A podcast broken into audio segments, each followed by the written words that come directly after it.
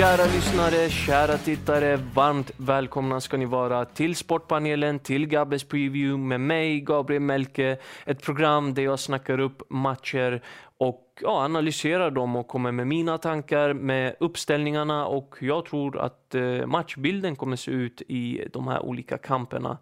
Och eh, den här matchen som vi kommer fokusera på här idag är Real Madrid mot Real Betis i Sevilla och bortaplan för Real eh, Madrid såklart. Och vi kan väl börja med hemmalaget och kolla hur det har gått för dem på senare tid. Och eh, det första vi konstaterar är att det inte alls har gått bra i de sju senaste matcherna i synnerhet.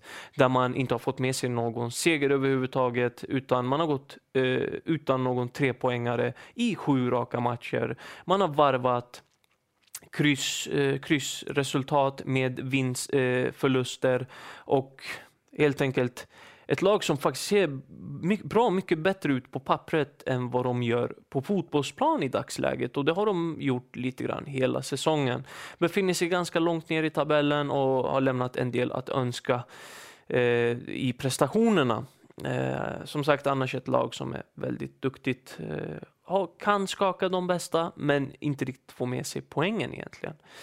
I Real Madrid där har vi ett lag som kommer från en sylvass seger mot Barcelona senast. Man fick med sig eh, en 2-0 vinst och man spelade inte ut Barca skulle jag säga, men man gjorde jobbet. Man var det bättre laget och fick med sig 2-0. Väldigt bra gjort och eh, där har vi ett lag i Real Madrid som har sett lite virrigt ut eh, under säsongen, men eh, i synnerhet under den senaste tiden.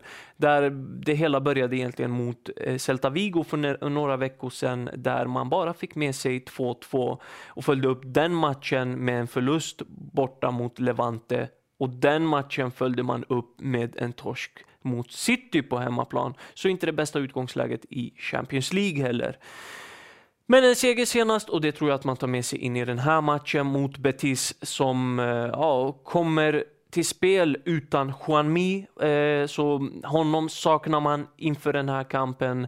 Annars ett lag som är väldigt namnkunnigt egentligen.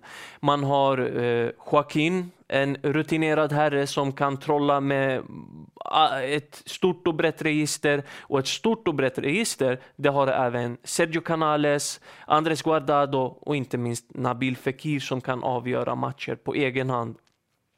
Ett lag som sagt som är väldigt namnkunnigt, sett bättre ut på pappret än vad man gjort på plan.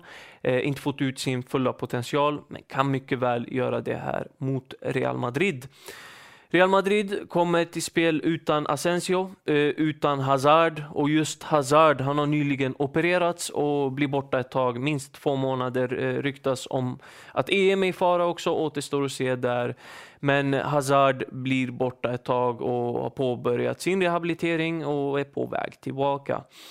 Annars så är det här ett Real Madrid som jag tror kommer ställa upp precis som i, som i El Clasico där eh, Zidane verkade ha lärt sig från sitt misstag mot City då han bänkade Toni Kroos.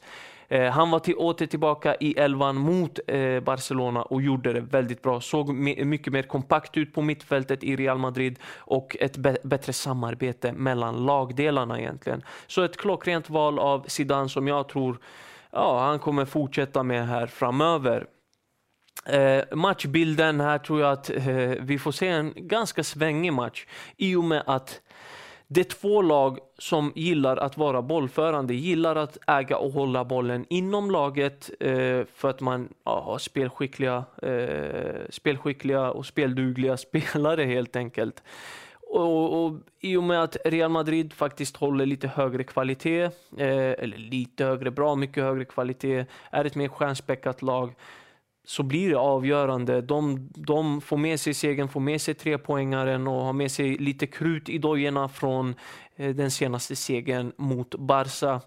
Så den raka segern till Real Madrid är vad jag tror på. Och vill du spendera en liten slant, vilket jag tycker att du borde göra, så finns det spelet hos Betsafety. 1,82 gånger pengarna jättefint odds på att Real går segrandes ur den här kampen på Via Marin i Sevilla. Missa inte det. Det lär bli en eh, riktigt spännande kamp och en spännande match. Så öppna upp ögonen, slå på tvn och följ det här. Skriv gärna ner vad du tycker om mina, eh, mina tankar, mina analyser och min genomgång här nere och vad du tror att matchen slutar också. Eh, tror du att Real vinner eller tror du på något annat resultat?